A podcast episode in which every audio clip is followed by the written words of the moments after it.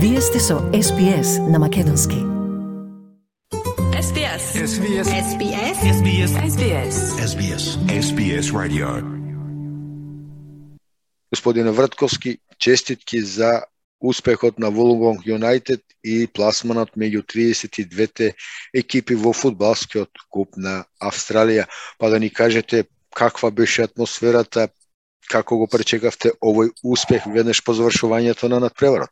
Здраво до сите слушатели. Како прво сакам да ти се заблагодарам за времето што го одреде да кажеме неколку зборови околу успехот нашиот клуб Вулонго Юнайтед Македонија што досега го во австралискиот куп. Ние третата навечер играме последната утакмица против Сајн Джот Сиди, како што кажа ти. На полувреме губеме 1-0, второто полувреме тренерот на измен направи неколку измени и по тој повод постигнавме два голои и го освоиме резултатот што го баравме 2-1 и значи се најдуваме сега во последни 32 екипи во цела Австралија каде исто има и клубој од Ај лигата и и од клубој од премиер лига во сите стајц во, во, во Австралија. Најважно за нас многу голем успех, многу неочекувани да влезиме ние на тој степен ама сварно беше атмосферата една, една голема веселба за сите наши играчи, тренери и навивачи на нашиот клуб. Да, да спомнеме дека Вулунгонг губеше со 1 спрема 0, меѓутоа полосно со головите на Јовановски и Секутковски направи пресврт и дојде до онаа очекувана, посекувана победа од 2 спрема 1. Е сега меѓу 32-те, како што спомна, тука се екипите од А-лигата и тука се неколку силни екипи од Националната премиер лига, па може би ќе имаат шанса да ве видаат и љубителите на фудбалот и во другите држави, на пример во Викторија или во Нов Јужен Велс. Па би било добро Да. доколку има среќа во жепката за да допатувате и во Мелбурн. Да, тоа е точно. Сега да споредо има уште неколку држави што не се дозавршени, тие ќе завршат идната недела и по тој повод на крајот на месецот на јуни ќе се одржи споредот распоредот за екип а, за утакмиците.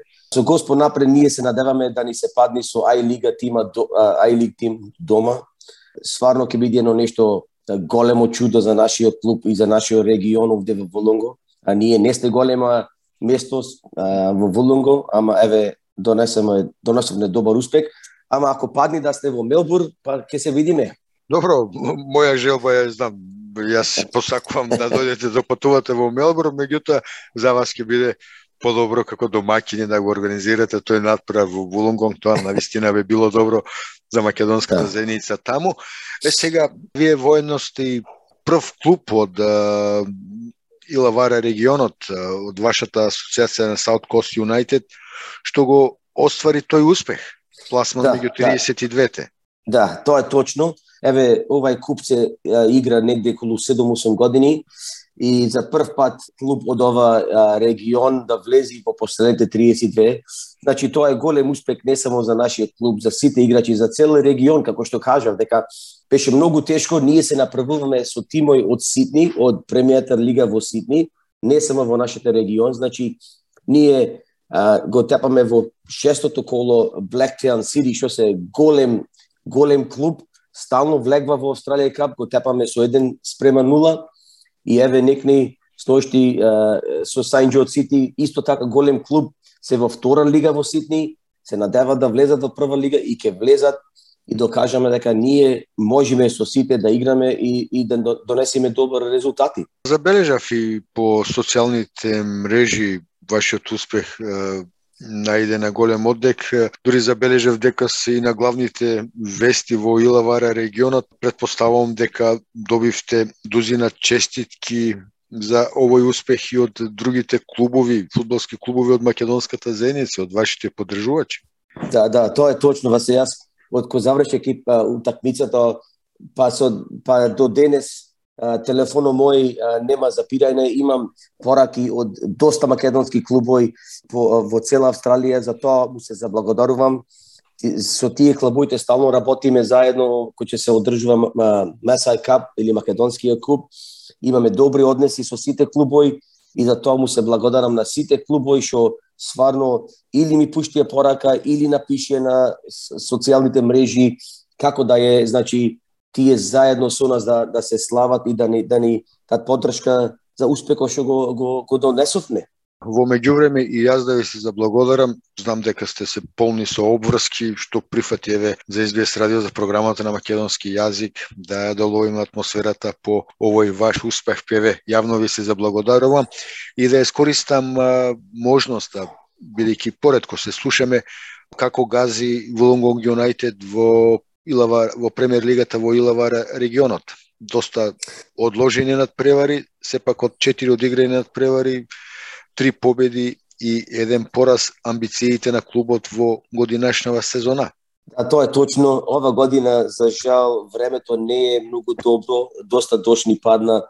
Еве, последните три месеци само врни, ама за стреќа, еве, последниот месец прекина дождо и ќе, ќе почнеме да играме.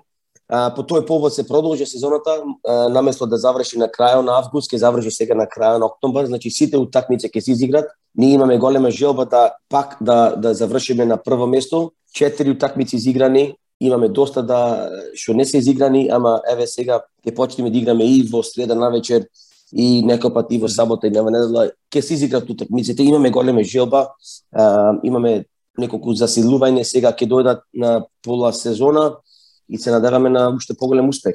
Се надеваме дека ќе добиете противник по мерка во купот на Австралија во фудбалскиот клуб и на крајот од сезоната ќе ја прославите шампионската титула.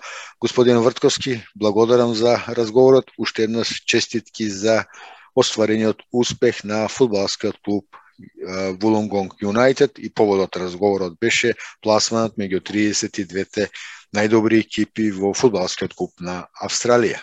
Фала Васе, фала ти благодарам за топлите зборови, топлите желби и, и ќе се слушаме пак во иднина. Благодарам. SBS. SBS. SBS. SBS. SBS. SBS. SBS Radio. Стиснете, ми се допаѓа, споделете, коментирајте. Следете ја SBS на Македонски на Facebook.